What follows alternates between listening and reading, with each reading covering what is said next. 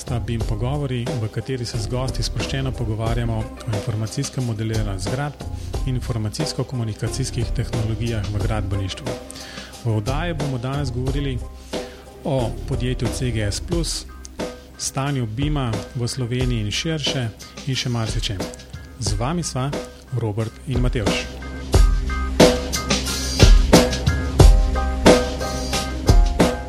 Pozdravljen, Robi. Lep pozdrav. No, danes gostiva um, direktorja podjetja CGS, um, Matjaž Šajna. Pozdravljen, Matjaž.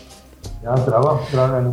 Lahko v, v parih stavkih se predstavljaš in poveš, kaj počneš. Ja, jaz že hm, približno 25 let počnem iste stvari, vendar se s časom tudi precej spremenjajo. Tako da trenutno je BIM zelo aktualen, Prva revolucija, ki nas je zajela pred 25 leti, je bila Cat revolucija. Tako da, kaj počnem? V bistvu me še vedno ta tehnologija zelo zanima. E, nisem seveda več toliko v tehničnih detaljih, predvsem pa vodim podjetje z več kot 20 zaposlenimi, ki razvija svojo lastno programsko opremo za potrebe gradbenih podjetij in arhitekturnih podjetij. In seveda na koncu, ko nekaj razvijamo, moramo tudi prodati. In to pač v Sloveniji in tudi širše. Tako da je cel spekter stvari, ki jih moram pri tem početi. Matjaš, lahko v, pač recimo, tako na kratko opišeš, kako se je skupaj začel. Mislim, da je leta 1994 bil dejansko nek začetek um, tega podjetja.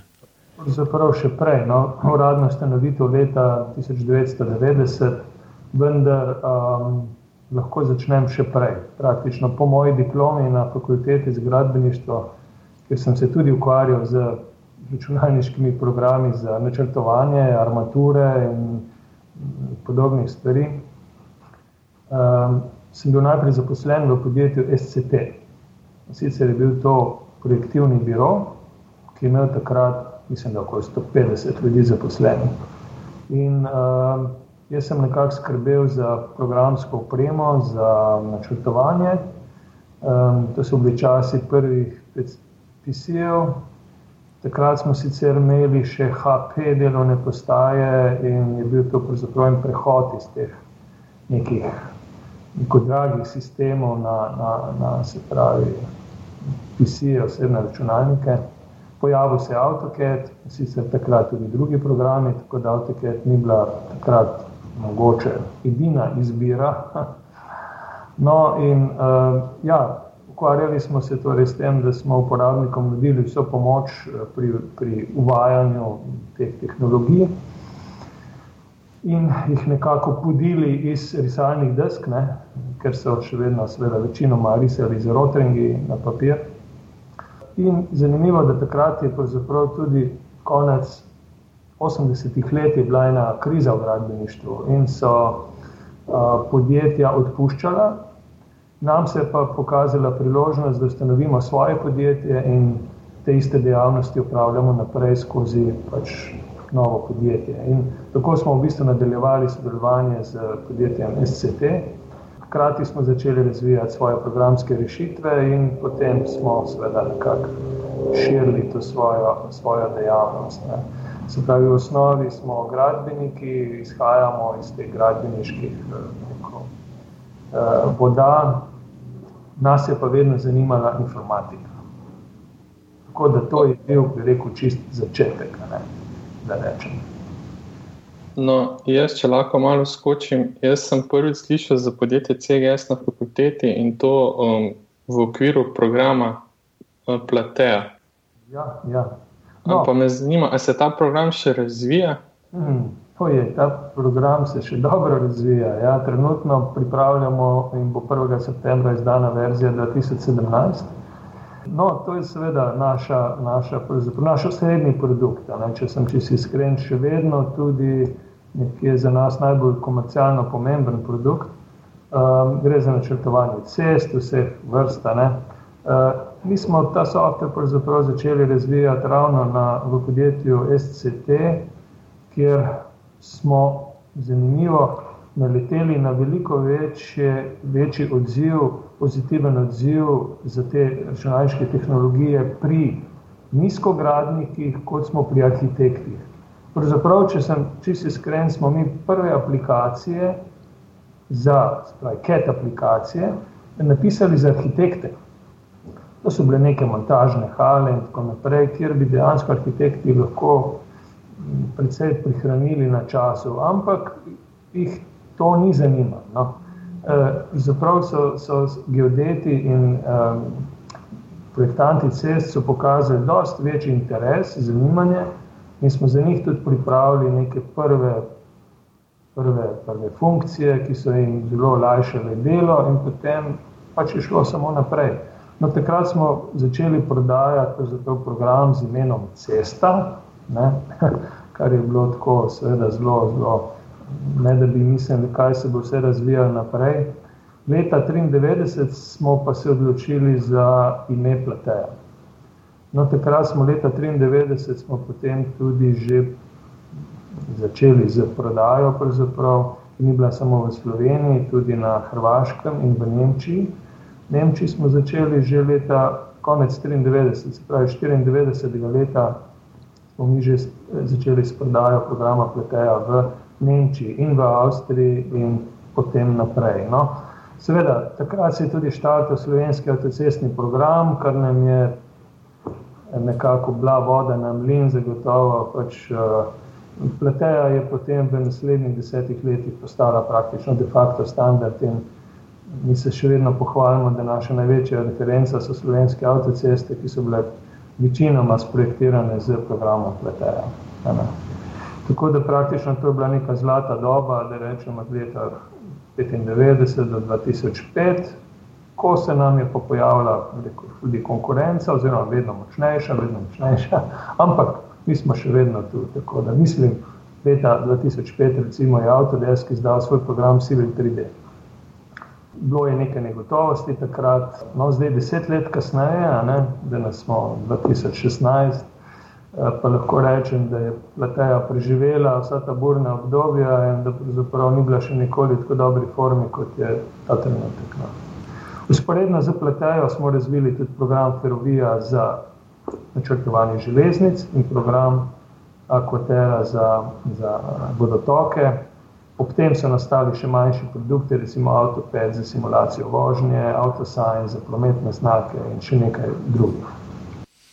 Ja, moram reči, da um, takrat, mislim, da so s profesorjem Kovačičem enkrat pogovarjali pa ravno na temo um, Plateja in pa pač to je bilo v času, ko se je pojavil ta Civil 3D.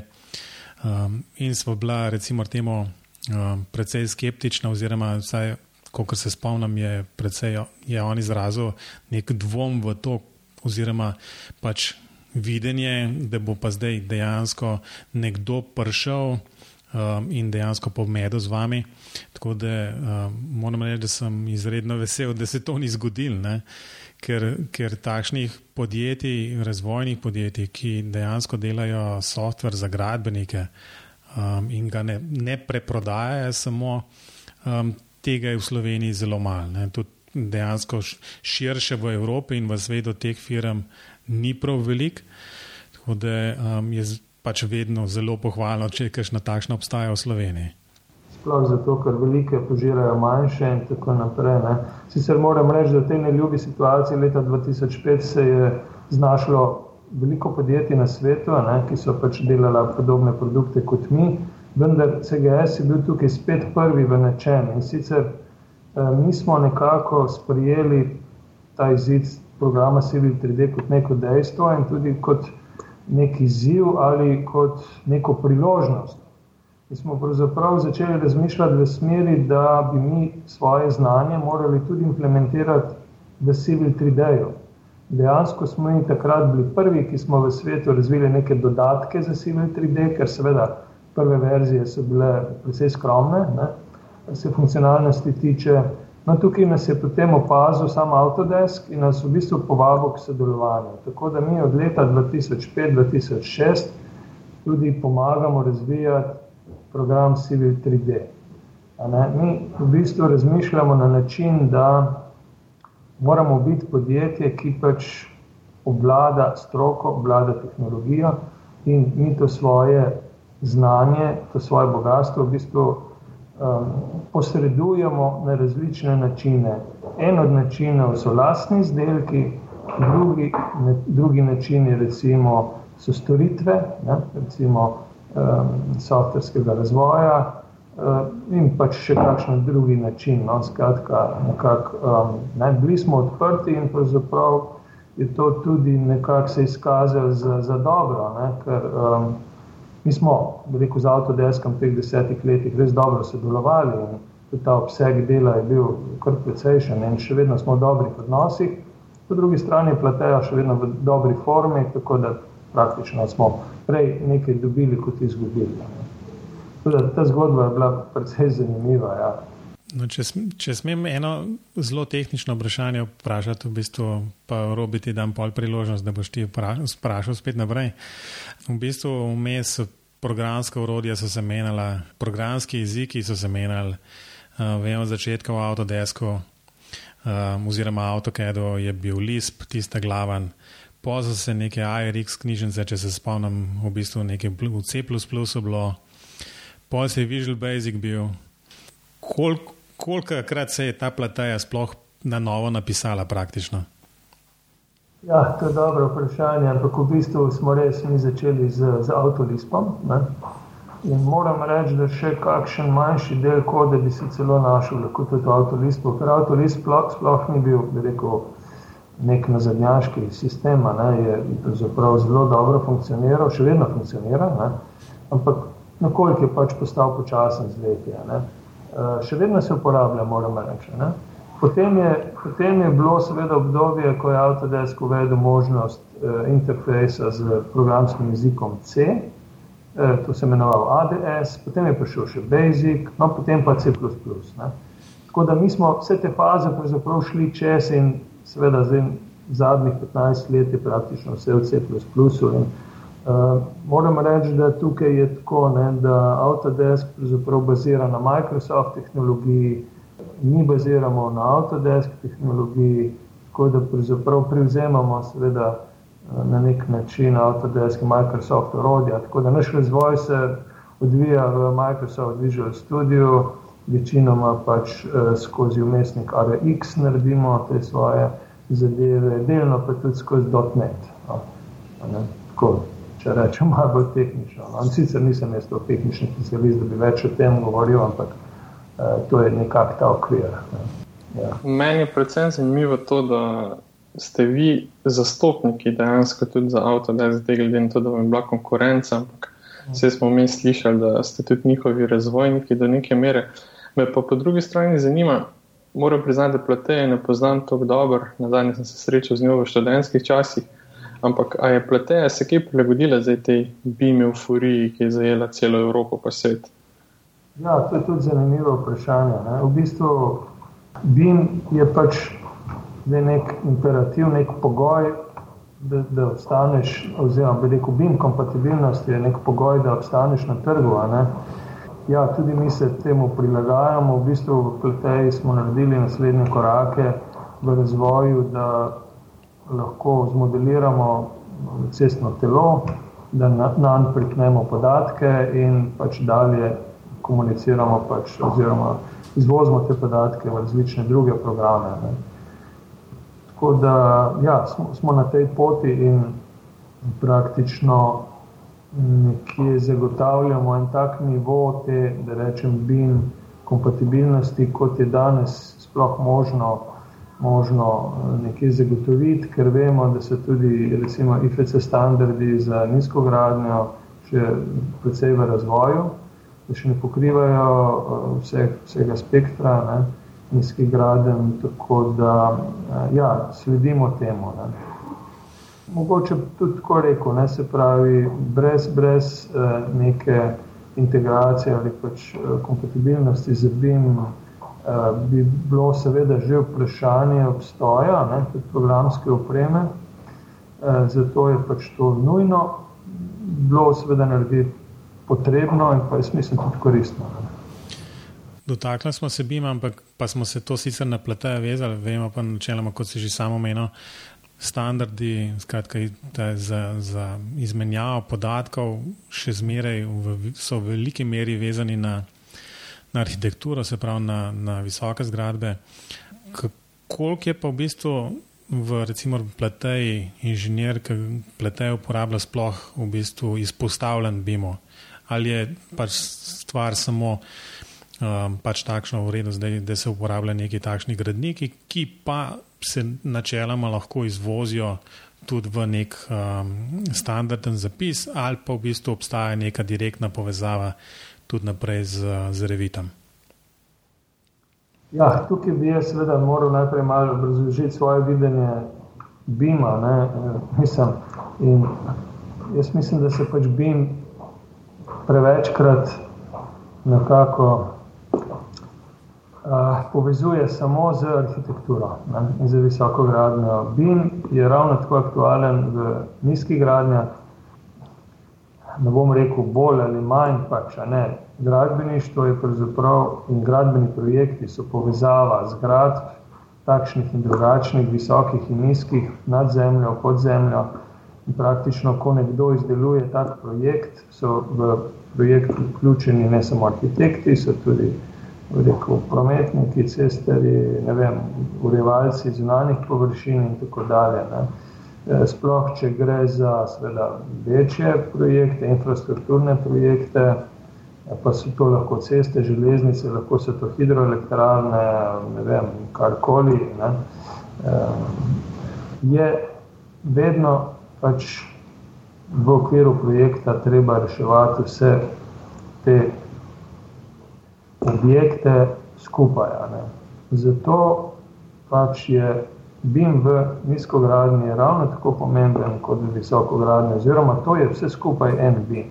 Ehm, res, da je se BIM v začetku hitreje razvijal na področju visoke gradene arhitekture, zato ker je tam precej enostavneje opredeliti objekte, jih opisati, so pač geometrijsko precej enostavnejši in njihovi parametri so zelo enostavno določljivi.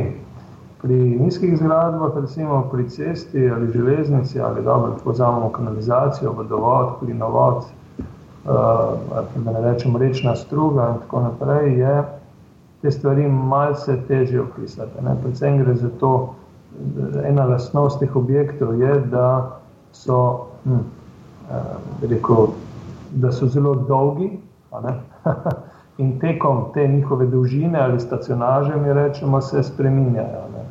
Opis mora biti malo drugačen. In te, te, eh, te študije, kako pravzaprav uh, nizkogradniške objekte opisati, potekajo že, že dolg časa. Moram recimo tukaj omeniti, da je en tak zelo dober razvoj potekal na, na Univerzi v Mariboru že v 90-ih letih in da so tam recimo razvili že neke svoje predloge, za opise cestnega telesa. In so tudi sodelovali recimo, pri, pri kreiranju standarda, recimo Lendix-ML. No, BIM pravzaprav to nekako seveda isto opisuje in se tudi zdaj pojavljajo specifikacije, ki nam bodo služile kot opora za izvoz teh podatkov iz, iz naših, naših nizkogradniških objektov. Ne. Zdaj, če vzamemo mi neko cesto zraven ali pa recimo železnico, železnica z železniško postajo. Ja, to zdaj ne moramo reči, da je arhitektura nizkogradna. To je ena kombinacija vsega. Ne?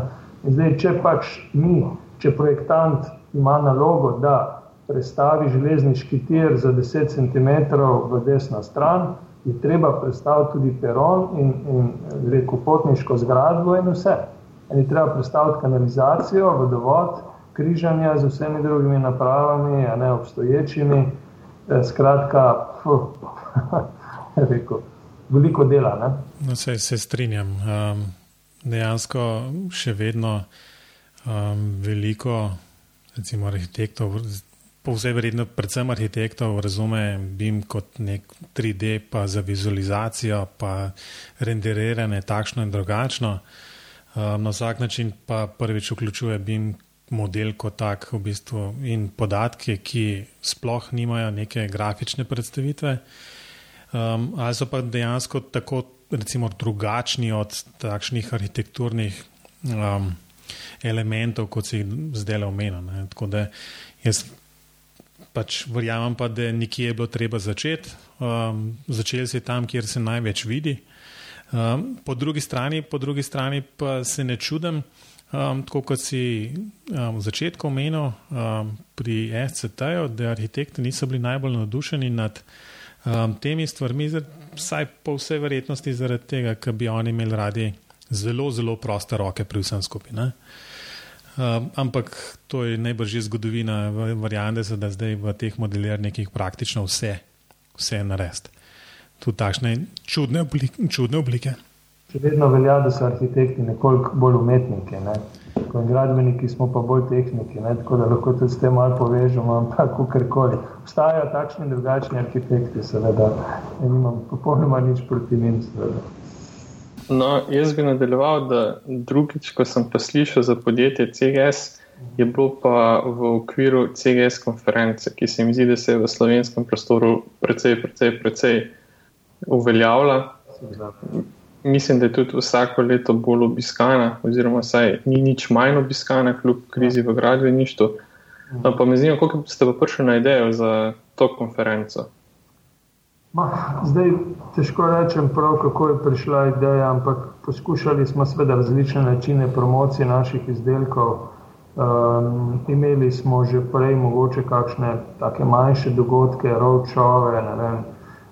Je pa tudi so bila leta, recimo tam do mogoče do 2000, pa še kakšno leto čez, ko so bili pri nas zelo, eh, zelo živi še, še sejmi, sejemske prireditve. Ne?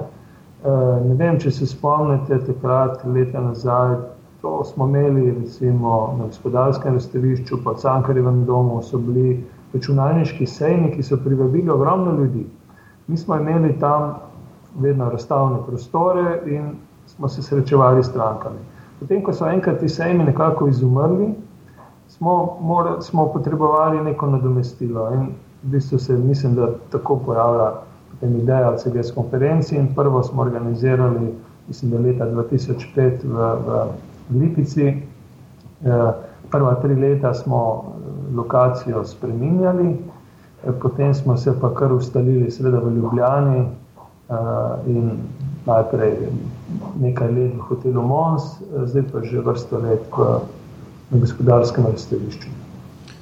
No, te konference, čeprav razumem, niso samo slovenske, ampak tudi um, dejansko prirejate podobne stvari, tudi širše.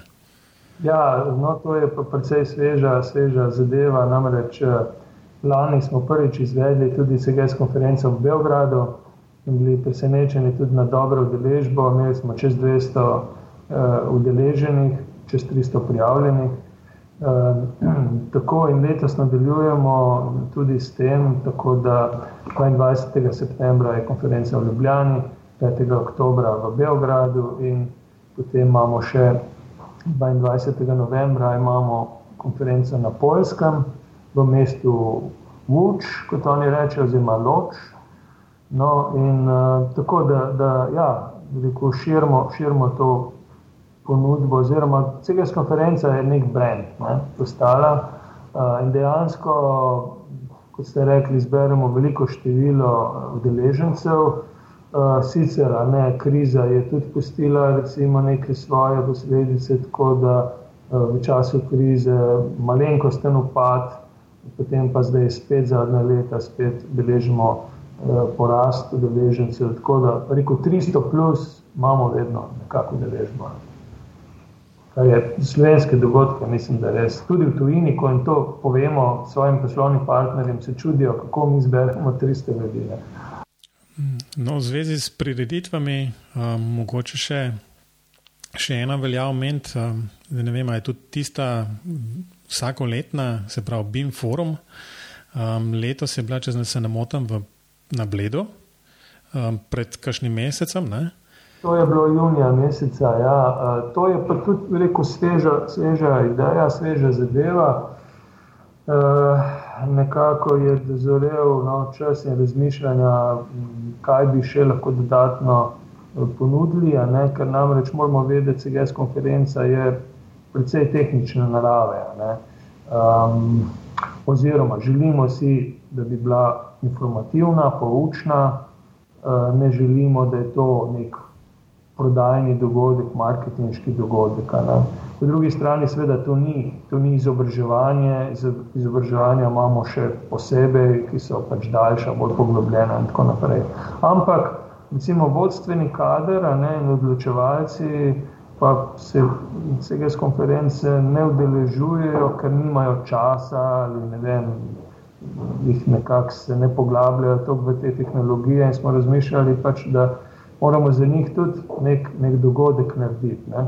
Po drugi strani je ta, rekel zdaj, vse to BIM gibanje tudi uh, narekuje, da, da moramo neke aktivnosti na tem področju izvajati in, in promovirati, in BIM, in pač sebe, in tako dalje.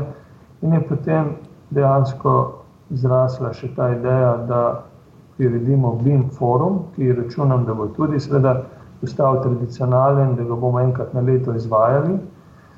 Uh, Zaenkrat lokacija bila Bled na Bledu. Uh, no, in to je bil, ja, moram reči, tudi en res uspešen dogodek z pravi, izbrano udeležbo, več kot 50 udeležencev, koliko jih v bistvu tisti prostor sploh sprejme. No, struktura teh obiskovalcev je bila seveda zelo posebna tudi zato, ker je vsaj tretjino, če ne več, je bilo gostov iz državne uprave. Ne, oni se pa recimo naših CGS konferenc ne udeležujejo, oni niso uporabniki AutoCAD-a, Plateja, Revita in tako dalje. No.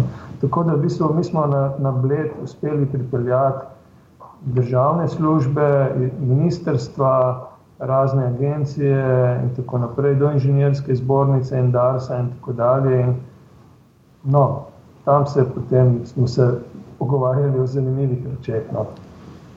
Ja, sej, mislim, da je, da je ta povezavo oziroma pridobiti državno upravo oziroma državo kot največjega naročnika v infrastrukturo, um, tisti najbrž glavni del, če želimo BIM nekako uveljaviti v Sloveniji um, in prisiliti po domače povedano v bistvu vse, da um, začnejo prvič razmišljati o BIM-u in potem jasno, da tam ga upeljajo tudi svoje, svoje lastne procese. Um, skratka, kaj, ja. kaj je recimo, bil mogoče kakšen rezultat um, vseh teh, um, tega srečanja, ki ga posebej velja omeniti? Ja, torej, uh, na to srečanje smo mi pripeljali uh, predsedujočega v uh, Evropski skupini, ki se imenuje BIM Task Group, delovna skupina za pripravo BIM smernic. Eh, to je gospod pač Adam Matthews. Eh, mi smo ga že prej srečali na, na, na drugih konferencah po svetu. In nekako smo ocenili, da če njega povabimo, da bomo mogoče naredili tudi en premik pri nas, pri državni upravi, da bo on le nek magnet, ki bo privabil uh, ključne ljudi. No, in se nismo zmotili. Dejansko smo potem uh, tudi imeli uh, tako deležbo na račun, mogoče tudi tega uglednega gosta. Hkrati je pa seveda bil rezultat, da se je Slovenija končno tudi pridružila tej delovni skupini.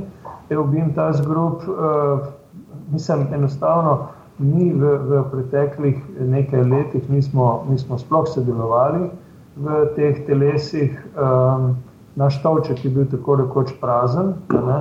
Mi smo se seveda tukaj v Sloveniji nekaj pogovarjali po svoje, tam so se v Bruslju so se dogajale stvari po svoje in te povezave ni bilo.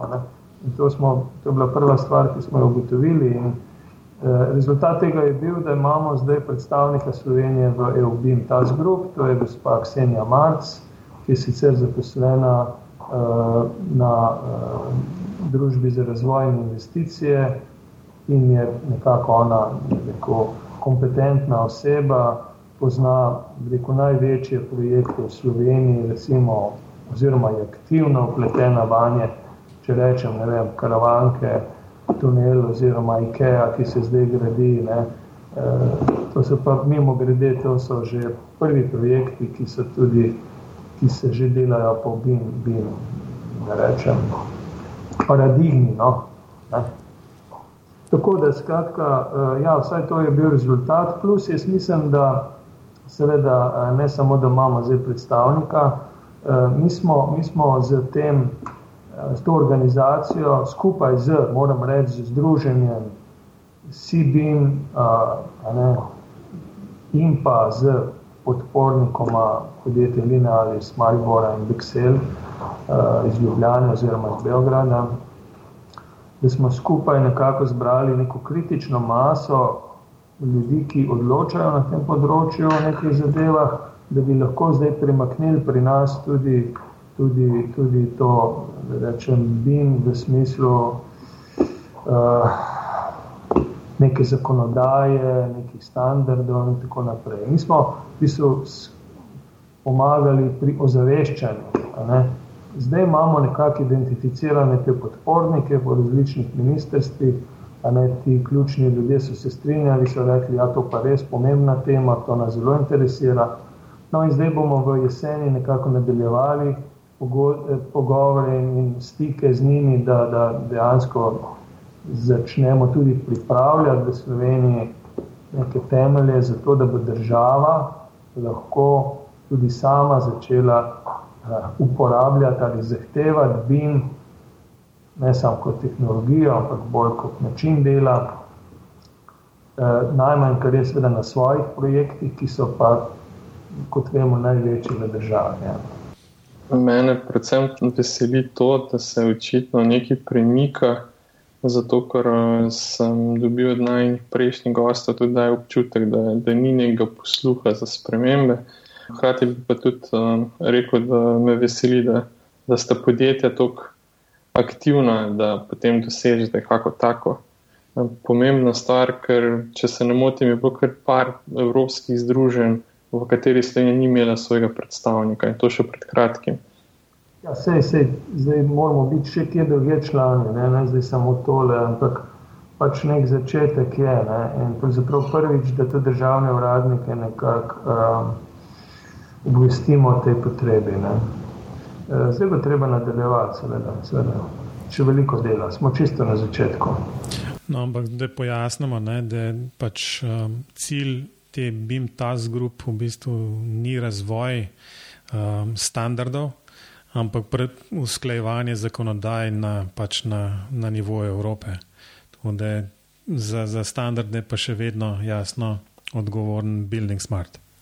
Ja, ja seveda, bi rekel nekaj za standarde, sploh za te tehnični del. Ne. Sicer država lahko rekel, stvarja svoje standarde tudi na področju BIM-a, ker tukaj ne gre samo za tehnične stvari, gre za marsikaj drugega. Ne. Eh, kot naročniki, investitorji, imajo še veliko drugih zadev.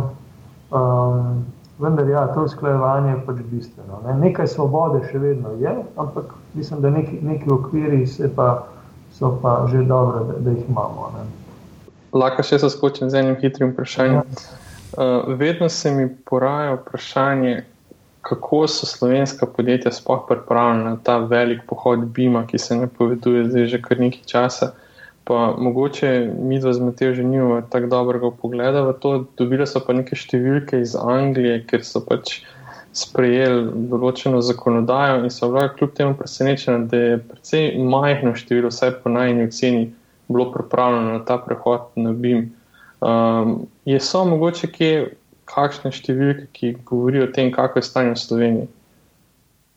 Kako teh številk uradno ni, ne? ampak je bila pa ena dobra pobuda na, na združenju CBIM, da bi, da bi letos izvedli prvo anketo med podjetji in pač zastavili nekaj vprašanja, da bi lahko potem tudi tekom naslednjih let sledili nek ta razvoj ali pač napredovanje eh, ali po določenih pač vprašanjih. Zdaj, v tujini seveda se, se pojavljajo različne številke. Ne vem, jaz tisto berem, da 70% podjetij že uporablja BIM tehnologije in tako to je, to je tako zelo za lase privlečeno. Ne. Dejstvo je, da je seveda v, v Angliji je, je država BIM uzakonila. Ne. Praktično od letos naprej se vsi večji infrastrukturni objekt, eh, objekti in projekti izvajajo po BIM tehnologiji in tisti, ki želi sodelovati, enostavno mora uporabljati določena pravila in tudi določeno programsko opremo, no, ampak predvsem pač gre seveda za, za pravila. Uh, in tukaj enostavno prisila deluje. Ne. Seveda, po drugi strani za slovenska podjetja te prisile še ni. Ne. Mislim, ni. Če tudi, no, tako, par primerov lahko izuzamemo, oziroma rečemo kot izjema, naprimer razpis za drugo cel karavan, predor eh, Karavank, Eh, je vseboval tudi eh, zahteve po pač BIM tehnologiji. In prijavila so se lahko seveda samo podjetja, ki so nekako ustrezala temu. Ne? Tako da tukaj kar završavamo s slovenskimi podjetji. Ne? Zdaj, kdo se lahko prijavi, kdo ne, kdo je pripravljen in tako naprej. Ne? No, drug tak projekt, recimo je zdaj IKEA, ne? tukaj se bo gradila v Ljubljani in tudi naročnik želi BIM tehnologijo. Tako da In tukaj so podjetja, se, zelo iščejo ne, in so pravzaprav prisiljena na teh projektih, da uporabijo BIM tehnologijo, drugače se jih tako sploh ne morejo uvrstiti.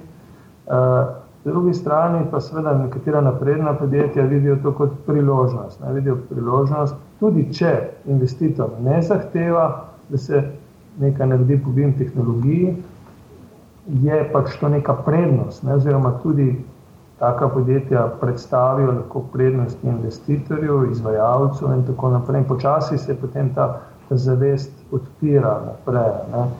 E, pa še en aspekt je, ne, v bistvu, če, če slovenska podjetja želijo sodelovati na nekih mednarodnih projektih ali vem, se prijavljati na razpise v tujini, v Avstriji, Nemčiji in drugih sosednjih državah, je zelo verjetno, da bodo naletela na zahteve v razpisih, ki pač dišijo po BIM-u.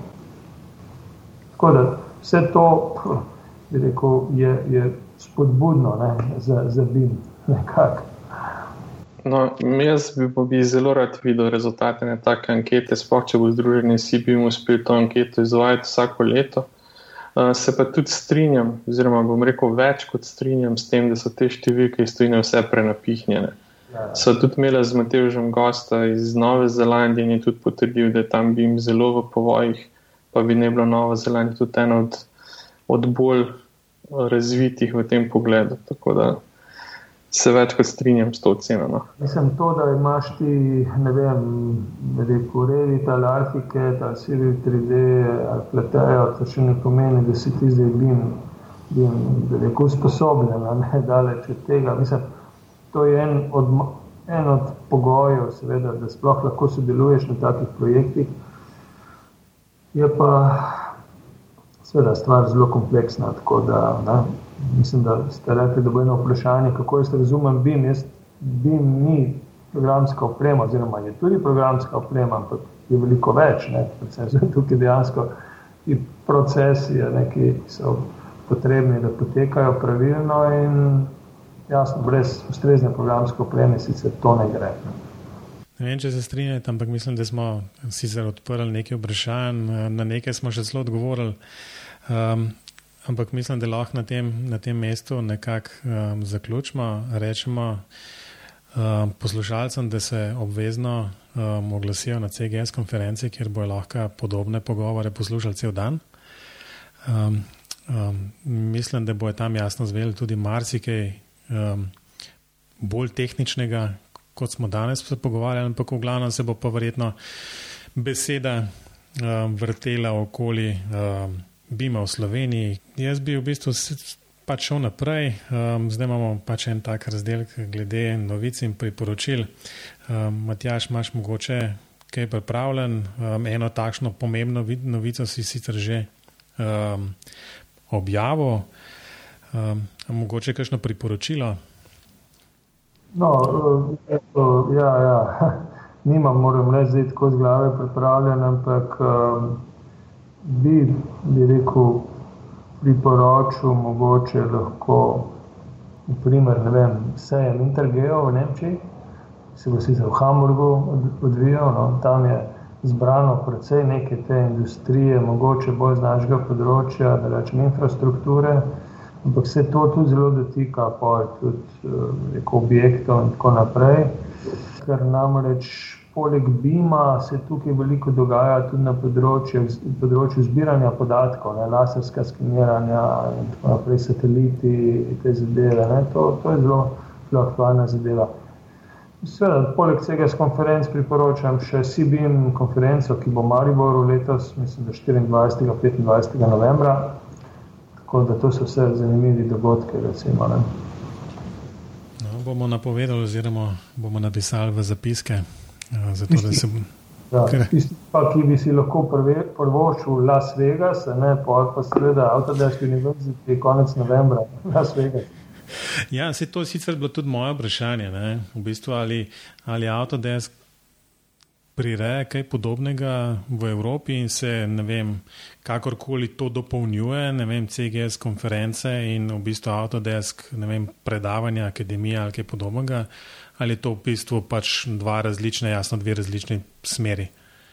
Ma, to so dobre, smo različni organizatori, podobne vsebine, ampak eh, no, Autodesk ne moramo primerjati, seveda. No, mnogo večji. In tako naprej, oni recimo v Las Vegasu zberejo okoli 10 tisoč udeležencev. Je obstaja neka varianta, nemška varianta Autodesk University.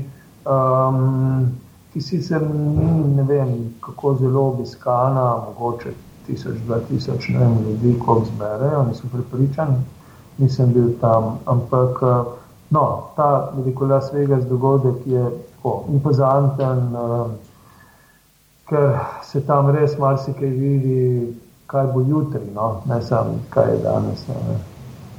v tem smislu. Jaz sem recimo kot zanimivo slani, dobro, res sem bil sicer kot udeleženec, pa tudi bili smo razstavljalci no, na, na sejmu oziroma na prireditvi Antidijske univerzite 2015 v Las Vegasu, imeli smo svoj razstavni prostor kot CGS Plus in je bilo seveda ogromno zanimivih pogovorov in kontaktov. Ja, se strinjam. Um, impresivna številka, skratka, deset tisoč, sicer si ne predstavljam, kako, kako velik prostor to zauzame. Ja. To je edino Las Vegas, možno. Ja, verjamem. To, to so te veliki hoteli in to je res, to je masa. Ja, to je res. Um, Robi, um, kaj imaš kaj pripravljenega za danes? No, danes bom pa v nasprotju s tem, kar sem priporočal do zdaj, bom pa šel spet na področje domače avtomatizacije. Uh, redni poslušalci se bo spomnili, da so v tretji oddaji gostila Andreja Kumrde, ki govori o podobnih stvareh, o avtomatizaciji doma in podobno. Jaz sem pa v tem preteklem tednu naletel na eno odlično spletno stran, kjer se je nekdo zelo potrudil in je predstavil cel potek avtomatizacije doma s pomočjo platforme Arduino in Raspberry Pi. Gor so prav vsa navodila za vse senzorje, proti izteku vode, za odprta okna, za zvonce, za kamere, karkoli bi kdo želel. Če koga zanima, povezava bo v zapiskih, si lahko to pogleda. Uh, jaz moram priznati, da mi je zelo zanimivo in če bom našel čas, bom poskušal kaj od tega tudi implementirati. Drugo priporočilo, ki ga pa imam, je pa spet en nov mikroračunalnik, za katerega jaz osebno nisem vedel do zdaj. In to je en računalnik, ki se mu reče BBC Microbit, um, povezavo tudi v zapiskih in sicer povezavo na Wikipedijo, kjer je vse lepo razložen. Jaz sem pa na to računalnik naletel na enem blogu žen.net oziroma zen.net, kjer je pa tudi lepo v slovenščini napisan, kaj to je. Kar pa še predvsem Matevžu najbolj všeč je pa to, da se v njem programira v Pythonu. Da, mogoče se splača pogledati. No, Mateju bi bilo bolj všeč, če bi se programirali v Rubiju, ampak dobro, to je že druga zgodba. Um, je, pa res, učim, proces, je pa res, da učim Python na faksu, tudi med drugim. Ne? No, jaz ostajam v bistvu zvest um, svojim priporočilom, um, počasi odpravljam dopust in je bilo treba najti zalogo knjig. Um, no, priporočam, to sem že začel poslušati, v bistvu tako, da verjamem, da bom skoraj do konca tedna, ko grem odhajam na dopust, um, to že predelal. Skratka, nanaša se pa na začetke um, računalniške revolucije.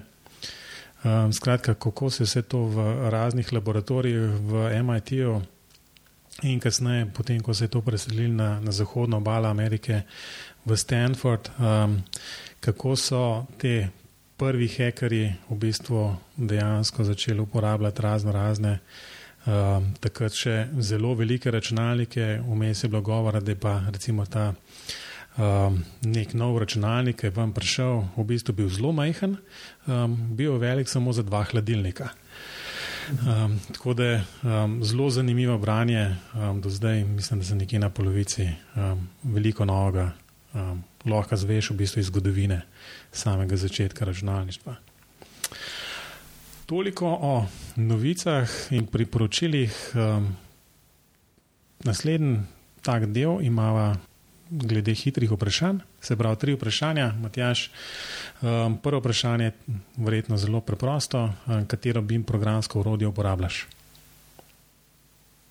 Uporabljam pletejo, če tudi veliko krat z, z programom Civil 3D, če gremo že rekel, na nizkogradniško področje, kombinacija z Revitom, logična in, in, in delujoča, tako da nima pa nič proti drugim. Tudi. No, vse ta je, mi smo imeli gosta, ki je rekel avto, cat, tako da zdaj pleteja, ni problem, bom napisal pleteja. Potem naslednje vprašanje, po katerem se da nikoli ne strinjamo, je, ali je ta BIM, ta M v kratici BIM, razumemo M kot model oziroma kot proces, se pravi model ali modeling, mogoče kaj tretjega, predlaganje bo management. Vemo, da je to ali model ali modeling in oboje je v redu. V bistvu potrebujemo virtualni model, da se lahko sploh gremo, BIM hkrati seveda modeling, pač nek proces, ne samo modeling, je samo en del seveda tega, teh BIM procesov. Da, kaj, kaj napišem? Kar proces. Mene tiče, jaz. Uh, Mi, mi, mi, pravzaprav govorimo o modelingu. Modeling. No, proces. No, in zadnje vprašanje se nanaša na uporabo standardov. Prav, sicer je vprašanje omenjeno na OpenBeam, ampak to se sliši kot nek uh, marketinški izraz, pa v bistvu tukaj ni tako mišljen. Se pravi, ali se splača, v, recimo, da začnemo z nekim velikim projektom, naprimer uh, karavanski predor, um, ali zahtevati, da se izmenjuje podatke um, po recimo tem IFC standardu, ali pa v bistvu recimo rečemo, v redu, imamo tak projekt, megalomanski projekt um, da imamo mi to standardizirati v bistvu na, na nekem zasebnem podatkovnem um, formatu. No, jaz, jaz sem bil vedno za povezovanje in ne, tudi ne, ne za soliranje. Ne, tako da za me je pač OpenBeam oziroma vem, Building Smart, IFC in tako naprej. Pač Tisto, kar ne sme biti dvoma ali ali. Ne, ne. Mislim, to je samo vprašanje časa in čim prej, tem boljše. No, hvala za odgovor. Um, Robi, pred zaključkom imamo še kaj, kar smo pozabili izpostaviti. Mislim, da ne. Mislim, da smo pokrili vse, kar so želeli. Torej smo pri koncu, Matjaš, um, mogoče za konec, kje te poslušalci lahko najdejo, kako kontaktirajo. Ja, uh, na naših spletnih straneh, www.cgs.com ali kom, uh, smo pač nekje dosegljivi, oziroma tudi na mojem e-mail naslovu matjas.sign.cgs.com. Um, drugače pač tudi dobrodošli na vem, kavici tukaj pri meni, na Brnki, če je 13 v Ljubljani, ker imamo še vedno dovolj parkirnih mest da ni problem, lahko se oglasite. No, v bistvu vse, kar bi pa še enkrat povabil poslušalce, da se udeležuje tudi CGS konference. Um, če se ne motim, na CGS konference se je potrebno prijaviti, to pa to naredijo pa pač poslušalci na cgs-konferenca.si, če se ne motim. Ne? Um, tako da še enkrat uh, najbrž lahko povabimo vse, da, da pride na konferenco um, poslušati, kaj včasih tudi povedati in se predvsem družiti z drugimi uporabniki, da, da v bistvu pač lahko razširja oziroma razširimo skupaj um, BIM uporabo v Sloveniji. Tako, tako. Če naj omenim, da je pač brezplačni dogodek, tako da vsi lepo vabimo. Ja, mislim, da nam ostane samo še to, da se najlepše zahvalimo za tale pogovor in da lahko samo obljubimo, da se vidimo na CGS konferenci. Redo, meni je bilo tudi veselje, tako da bom z veseljem še naprej sodeloval. Najlepša hvala za te besede. Jaz bi na konec povabil poslušalce, da obišče tudi spet, spletno stran bimpogovori.si in si tam um, preberejo zapiske te oddaje. Lahko pa jasno se obiščete tudi na Facebooku in Twitterju in pustite kakšen um, komentar, željo, um, tudi igrajo, um, tako da bomo poskušali biti um, vedno boljši. No, za danes si mislim, da je to kar vse. Matjaš, Robi, adijo. Hvala, adijo. Ja.